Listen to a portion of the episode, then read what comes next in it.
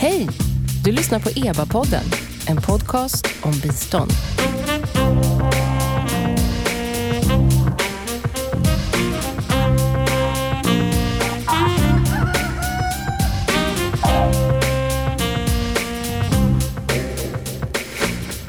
Ja, du lyssnar på EBA-podden. Jag heter Nina Solomin, lite förkyld idag, så ni får ursäkta min hesa röst. Bakom den här podcasten står Expertgruppen för biståndsanalys. Det är en statlig kommitté som utvärderar och analyserar Sveriges internationella bistånd. Idag ska vi prata om ett samband som blivit allt mer uppmärksammat på senare år, nämligen kopplingen mellan bistånd och migration. Hur påverkar biståndet migrationen från utvecklingsländer? Och hur kan utvecklingssamarbete egentligen utformas utifrån migrationens både positiva och negativa effekter? Välkomna säger jag till dagens gäster. Iris Lutman, utredningssekreterare vid Delegationen för migrationsstudier. Tack så mycket. Annika Sundén, ledamot i Delegationen för migrationsstudier som också förkortas Delmi. Eh, du är dessutom, har du en bakgrund ju på Sida där du var chefsekonom. Och vad gör du idag? Idag är jag analyschef på Arbetsförmedlingen. Och eh, så har vi också Johan Schar. Du sitter här i mitten i fullt majestät. Du är vice ordförande för expertgruppen för biståndsanalys och har en lång bakgrund inom biståndet. Det kan man säga. God morgon. Eh, vi kan väl börja med dig Johan, det här med att, att faktiskt plocka in migrationen som en viktig del eh, när man Eh, ska utforma biståndet. Att ta hänsyn till det området och liksom försöka få med det i planeringen och så. Är det något man alltid har gjort inom biståndet eller? Nej, det har man inte alls alltid gjort. Det har funnits ett intresse under lång tid men eh, som inte egentligen har eh, resulterat i något bistånd som har eh, eh sådär väldigt riktat med migration att göra. Nu tror jag att det är så att dels den stora mm, eh, gruppen migranter och flyktingar som kom till Europa 2015 har skapat ett nytt intresse och också eh, från EUs sida framförallt försök att påverka migrationen med bistånd. Men sen finns det också eh, allt det arbete som har gjorts inför FNs Global Compact for Migration som undertecknades för nästan ett år sedan i Marocko och bakom denna Global Compact finns det väldigt mycket eh, arbete, studier, analyser och så som har eh, eh, förbättrat vår förståelse av vad migration är för någonting. Och också då eh, eh, en slutsats är att, att biståndet har en roll när det gäller att eh, påverka migrationen. Alert nog så har expertgruppen för biståndsanalys i samarbete med Delegationen för migrationsstudier precis släppt en kunskapsöversikt med titeln Migration and Development, The Role of Development Aid. Och i den har en professor, en amerikansk professor som heter Robert Lucas, han är professor i nationalekonomi, sammanställt den forskning som finns eh, kring just sambandet bistånd och migration. Iris, du har jobbat med den här rapporten ända från idéstadiet. Eh, kan du berätta lite om vilka som är Lukas viktigaste slutsatser? Ja, absolut. Så som du sa Nina, så har ju eh, Robert i den här rapporten sammanställt eh, befintlig kunskap om kopplingarna mellan ekonomisk utveckling, migration och bistånd. Och eh, den centrala, men kanske inte jättespännande slutsatsen av det här är ju att eh, vi faktiskt inte egentligen kan säga något entydigt om de här sambanden. Eh, och eh, för Lukas visar i rapporten att effekterna av migration på fattigdomsminskning och tillväxt till stor del beror på sammanhang och omständigheter. Eh, Där faktorer som till exempel migranters utbildningsnivå, satsningar på infrastruktur och utbildning och även eh, möjligheter till effektiv urbanisering i utvecklingsländerna spelar väldigt stor roll. Och slänger man då in biståndet i den här ekvationen eh, så blir det ännu mer komplicerat. För här är forskningen väldigt tvetydig om biståndet till att börja med ens faktiskt bidrar till ekonomisk tillväxt och om tillväxt i sin tur då eh, påverkar migrationsströmmar. Jo, för det finns väl två antaganden kring biståndets påverkan på migration som bägge har varit vedertagna. Alltså, dels att biståndet genom att bidra till ekonomisk utveckling i ett land minskar migrationen från landet därför att ingen behöver lämna det för det blir så bra ändå där. Och sen samtidigt det motsatta som man kanske har hört lite mer på senare år att i och med att ett land eh, då till exempel med bistånd eller med andra medel eh, får en tillväxt, människor får det lite bättre, så leder det plötsligt till att människor lämnar det landet. Alltså vilken av de här två antagandena är det som som stämmer? Ja, alltså, återigen så beror det ju jättemycket på omständigheter. Ehm, I sin rapport så pratar Robert Lucas om någonting som brukar kallas migration hump, eller någonting vi skulle kunna kalla migrationspucken på svenska. Ehm, och den här migration hump det beskriver ett fenomen där migrationen från ett utvecklingsland ökar parallellt med den ekonomiska utvecklingen för att sedan börja avta lite igen när en viss nivå av, av ekonomisk utveckling har uppnåtts. Och om man då skulle rita upp det här på ett litet diagram med eh, utåtgående migration på y-axeln och ekonomisk eh, utveckling på x-axeln så skulle man få någonting som liknar en liten puckel. Eh, och det är därför vi, vi kallar det, därav namnet. Så att säga. Um, men menar du att det är kontextberoende eller menar Lukas att det är kontextberoende? Vad säger ni? Vad är det som gäller? Ja, man, man, kan, man kan ju titta på, som till exempel om man tittar på många av de länder som ligger söder om Sahara i, i Afrika och som är många av, av Sveriges samarbetsländer så har det ju varit en kraftig ekonomisk tillväxt. Det har gått väldigt mycket bättre.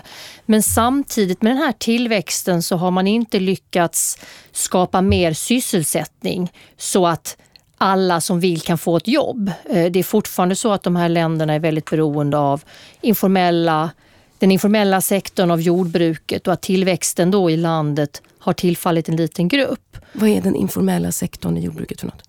Den, informe, den informella, alltså att man inte jobbar i, för sig själv, småföretag, eh, där arbetet är för, för, för egen försörjning. För överlevnad. För överlevnad. Ja. Eh, snarare än att man jobbar i ett företag som betalar skatt och som. Ja. Eh, men att, att länderna är väldigt eh, beroende av jordbruk och har inte så mycket annat trots att man har haft en, en tillväxt. Så att mycket av, om man tittar på migration totalt så sker den ju av många olika skäl. Men den allra största migrationen handlar om att, att människor flyttar för att få arbete och kunna försörja sig. Så det ska jag säga är grunden. Så att tills det att, och det är väl det som Lukas då visar, att under den här utvecklingsfasen i ett land, tills dess att man har fått en utveckling och en tillväxt som tillfaller alla, så kommer det ha tryck på migration. Just det, och i och med att ett land, att människor får det lite bättre, då får de också redskap att flytta på sig på ett annat Precis, sätt. Precis, och, få resurser att flytta på sig. Mm. Det är ju någonting man vet att de äh, människor som befinner sig i medelinkomstländer är mer benägna att flytta. Men flytta, flytta vart egentligen? Vad, vad pratar vi om här egentligen? För att man tänker lätt så här, ja då flyttar man till Sverige. Man kommer till Sverige för att söka sig ett bättre liv. Eh, men, men i själva verket, eh, hur stor andel av, av migrationen i världen sker från syd till nord? Det är ju en väldigt liten andel. Alltså den stora, den övervägande delen är ju migration som sker inom en region och mellan grannländer egentligen. Vi ser södra Afrika är en sån region inom vilken det sker väldigt mycket migration. Samma sak i Västafrika. Mm. En del av den migrationen är säsongsbetonad så att man, man flyttar när det finns arbete i, i jordbruk eller i eh, eh, kanske i plantagejordbruk etc. Eh, så det är en del, men den ännu större delen det är alltså den migration som sker inom länderna själva som vi har ganska lite koll på egentligen, som inte alls eh, följs med, med eh, på samma sätt vad gäller forskning, datainsamling etc. Men den, den, den handlar ju i princip om samma sak. Man flyttar till de områden där man tror att man kan försörja sig bättre, sig själv och sin familj. Eh, så att det är en rännil, det är en liten rännil i det globala som söker sig till Sverige egentligen. Så att eh, svenskt bistånd kan eh, på så vis egentligen handla det om att stötta upp migranter som flyttar mellan utvecklingsländer till ett grannland till exempel, det, söder om Sahara? Det är en viktig, en viktig aspekt på det. För att om migration har ju både positiva och negativa effekter. Eh, men, men, om man tittar generellt när FN tittar på det här och, och, och, så ser man ju ändå att personer som har flyttat i genomsnitt får det bättre. Barn går mer i skola, man får högre utbildning, hälsan är bättre. Men för att man ska få de här positiva effekterna så handlar det ju verkligen om att migranter ska kunna få sysselsättning. Och då kan biståndet hjälpa till att bidra till att länder utvecklar sin ekonomi, sin industri, att det finns jobb som de här migranterna kan ta. Det som också är viktigt tycker jag i det här sammanhanget, det är ju att migranter hamnar ofta liksom längst ner och får de sämsta jobben. Jobben som är farligast, där det är högst olyckor, där de är utsatta på olika sätt. Så det handlar också om att, att verka för att, att vi får en bra arbetsmiljö och anständiga arbetsvillkor, att man får en lön man kan leva på. Ehm, förutom den här migrationen som Johan var inne på som sker i Afrika söder om Sahara så är det en väldigt stor migration från länder i, i Sydostasien till Gulfländerna till exempel där man jobbar som hemhjälp eller i byggindustrin med, med förfärliga villkor. Men det är kanske inte en målgrupp för svenskt bistånd, Johan? Eller? Eh, alltså det första och det viktigaste här tror jag är att det här, eh, anledningen att den här studien är gjord och så, det, det, är, ju, det är inte för att Eh, så att säga påverka den migration som sker till Sverige, utan det är ett försök att förstå vilken roll spelar migration i samhällsomvandlingen och i utvecklingen i länder som Sverige, eh, där Sverige bedriver bistånd i den fattiga världen. Eh, så, att, så det, det, det är det första.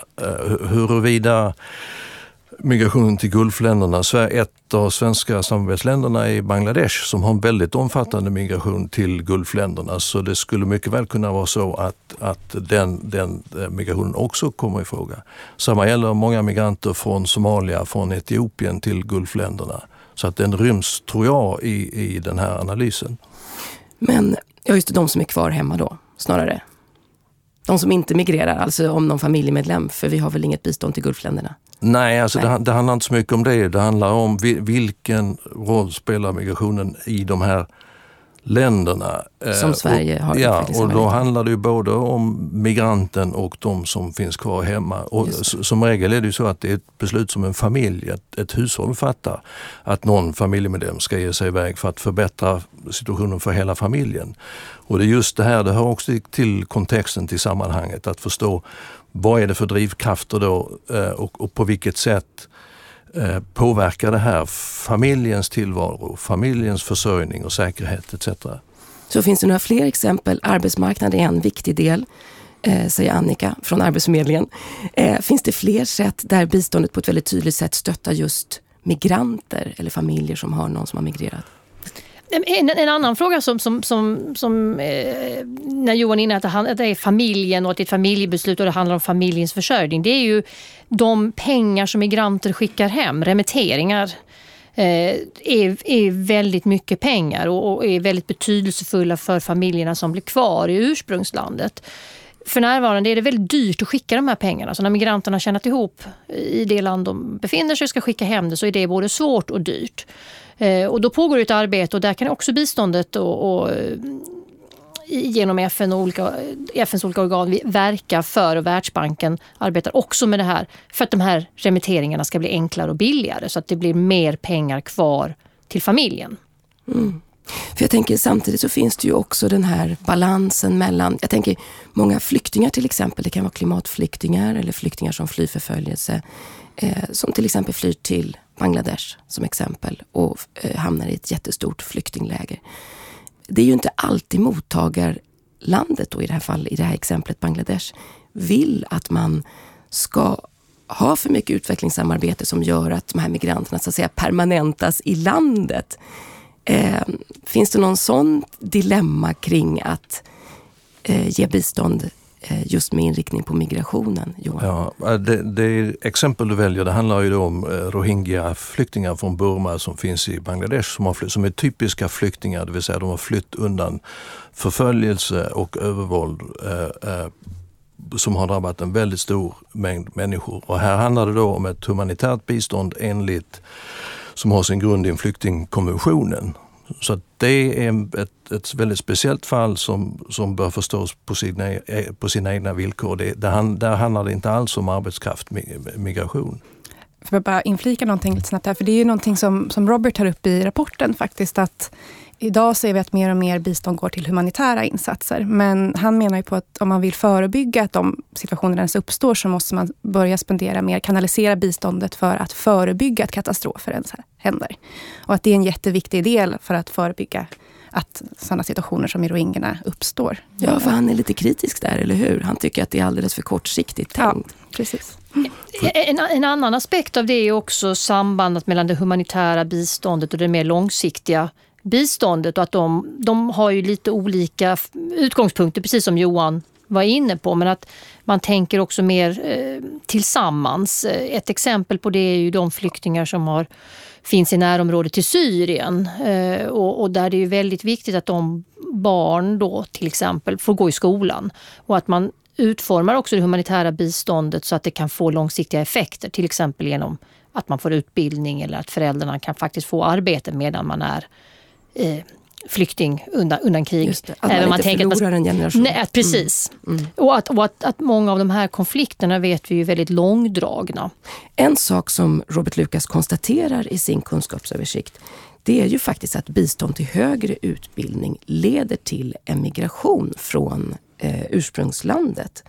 Så kan man då faktiskt tänka sig att bistånd ändå kan vara ett styrmedel för migration? Vad säger ni? Jag tror inte man ska tänka på bistånd som ett styrmedel utan snarare det som vi var inne på tidigare, att, att biståndet kan hjälpa till att verka för att, att migrationen får positiva effekter. Migration har alltid skett och människor kommer fortsätta migrera. Man kommer fortsätta flytta för att söka sig bättre möjligheter. Eh, att satsa på utbildning i, i biståndet och satsa på, utvecklingen, eh, satsa på utbildning i utvecklingen av ett land det är ju helt, helt centralt. För att man behöver en utbildad arbetskraft för att kunna få en tillväxt och för att kunna eh, öka inkomsterna och, och, bekämpa fattigdom. För jag glömde det andra ledet där, det var ju att han sa också att, att när det handlar om lägre utbildning, alltså typ grundskolenivå, då tenderar människor att stanna kvar i sitt land. Det behövs utbildning på alla ja. nivåer och det beror ju lite på var landet befinner sig. Tittar man på många av Sveriges samarbetsländer så saknas det grundläggande utbildning. Även om barn i högre utsträckning går i skola så är det fortfarande så att de inte går så många år och att kvaliteten i utbildningen fortfarande är bristfällig. Så det är ju helt, det är ju väldigt viktigt. Men det är också viktigt att kunna utbilda människor i landet eh, i, i gymnasiet och så småningom universitetsutbildning. Men då kommer jag tillbaka till att då, är också, då måste man också ha då måste också finnas sysselsättning för de här personerna. Om du har åkt iväg eller blivit utskickad och fått en, fått en hög utbildning och det sen inte finns några möjligheter att använda de kunskaperna i ditt hemland, då är det inte så konstigt kanske att man, att man stannar kvar. Eh, så att det där går hand i hand. Så att utvecklingen måste gå mot att då skapa sysselsättning och jobb som de här personerna vill, vill ta. Det finns till exempel i, i Rwanda har, har, har satsat på att utveckla en IT-industri till exempel, just för att försöka hålla kvar välutbildade eh, unga personer. För det där är väl också en, en diskussion, eh, är det inte det Johan, att huruvida brain drain är brain drain, det vill säga att, att ett land faktiskt går miste om sin intellektuella eller akademiska reserv, eller om det snarare är en brain gain på så vis att man plötsligt får människor som um, alltså kommer från ett ursprungsland som utbildar sig och sen också kan sprida idéer tillbaka till hemlandet och även liksom erfarenheten av att ha högre utbildning och så vidare.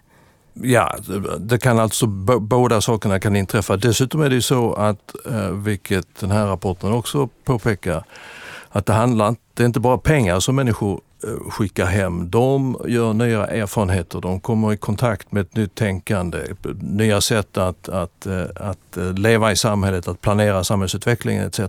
Så det finns också det som man kallar för sociala remitteringar, det vill säga idéer, erfarenheter, initiativ som inte så sällan kan leda till att nya företag startas och som leder då till sysselsättning på ett mer indirekt sätt i de länder som man kommer ifrån. Men, men återigen, det är, ett, det, är ett, det är ett komplext fenomen och man ska akta sig för att, att skilja ut enskilda eh, orsaker till att migrationen sker eller eh, har den ena eller den andra konsekvensen. Det här att, att förstå det i det stora sammanhanget, både på familjenivån och för samhället, tror jag är väldigt viktigt. Att vi inte gör det här till en, en, en smal enfrågehistoria. Där håller jag helt med. Och man kommer tillbaka till det där liksom, sambandet mellan migration och bistånd och ekonomisk utveckling så är det ju helt integrerat i varandra. Man kan inte, precis som Johan säger, skilja ut migration och bara titta på den på den frågan. Just när det gäller det här med, med brain drain eller att, att man flyttar från, från sitt land det är också en fråga som vi behöver veta mer om, för vi har också börjat se att, att personer återvänder. Det som är cirkulär migration, att man kanske flyttar iväg ett antal år och utbildar sig men sen kommer tillbaka. Och förstå mer om det och vilka effekter det har. eh, är en viktig, en viktig fråga där, där kunskapen fortfarande inte är, där vi fortfarande saknar kunskap. Det kanske kan bli ämnet för... Nej, gud. Det kanske kan bli ämnet för en ny rapport från EBA eller Delmi. Med det vill jag tacka Annika Sundén från Delegationen för migrationsstudier och Arbetsförmedlingen, Johan Schar, vice ordförande i expertgruppen för biståndsanalys och Iris Lutman, Delegationen för migrationsstudier. Robert Lukas eh, kunskapsöversikt Migration and Development kan laddas ner från EBAs hemsida, eba.se. Och där kan man också se våra eh, olika seminarier i efterhand. Man kan skriva upp sig så att man får vårt superspännande nyhetsbrev och inbjudningar. Eh, och man kan också följa oss förstås på Twitter och där heter vi EBA Committee. Jag heter Nina Solomin. Ursäkta kraxandet. Vi hörs.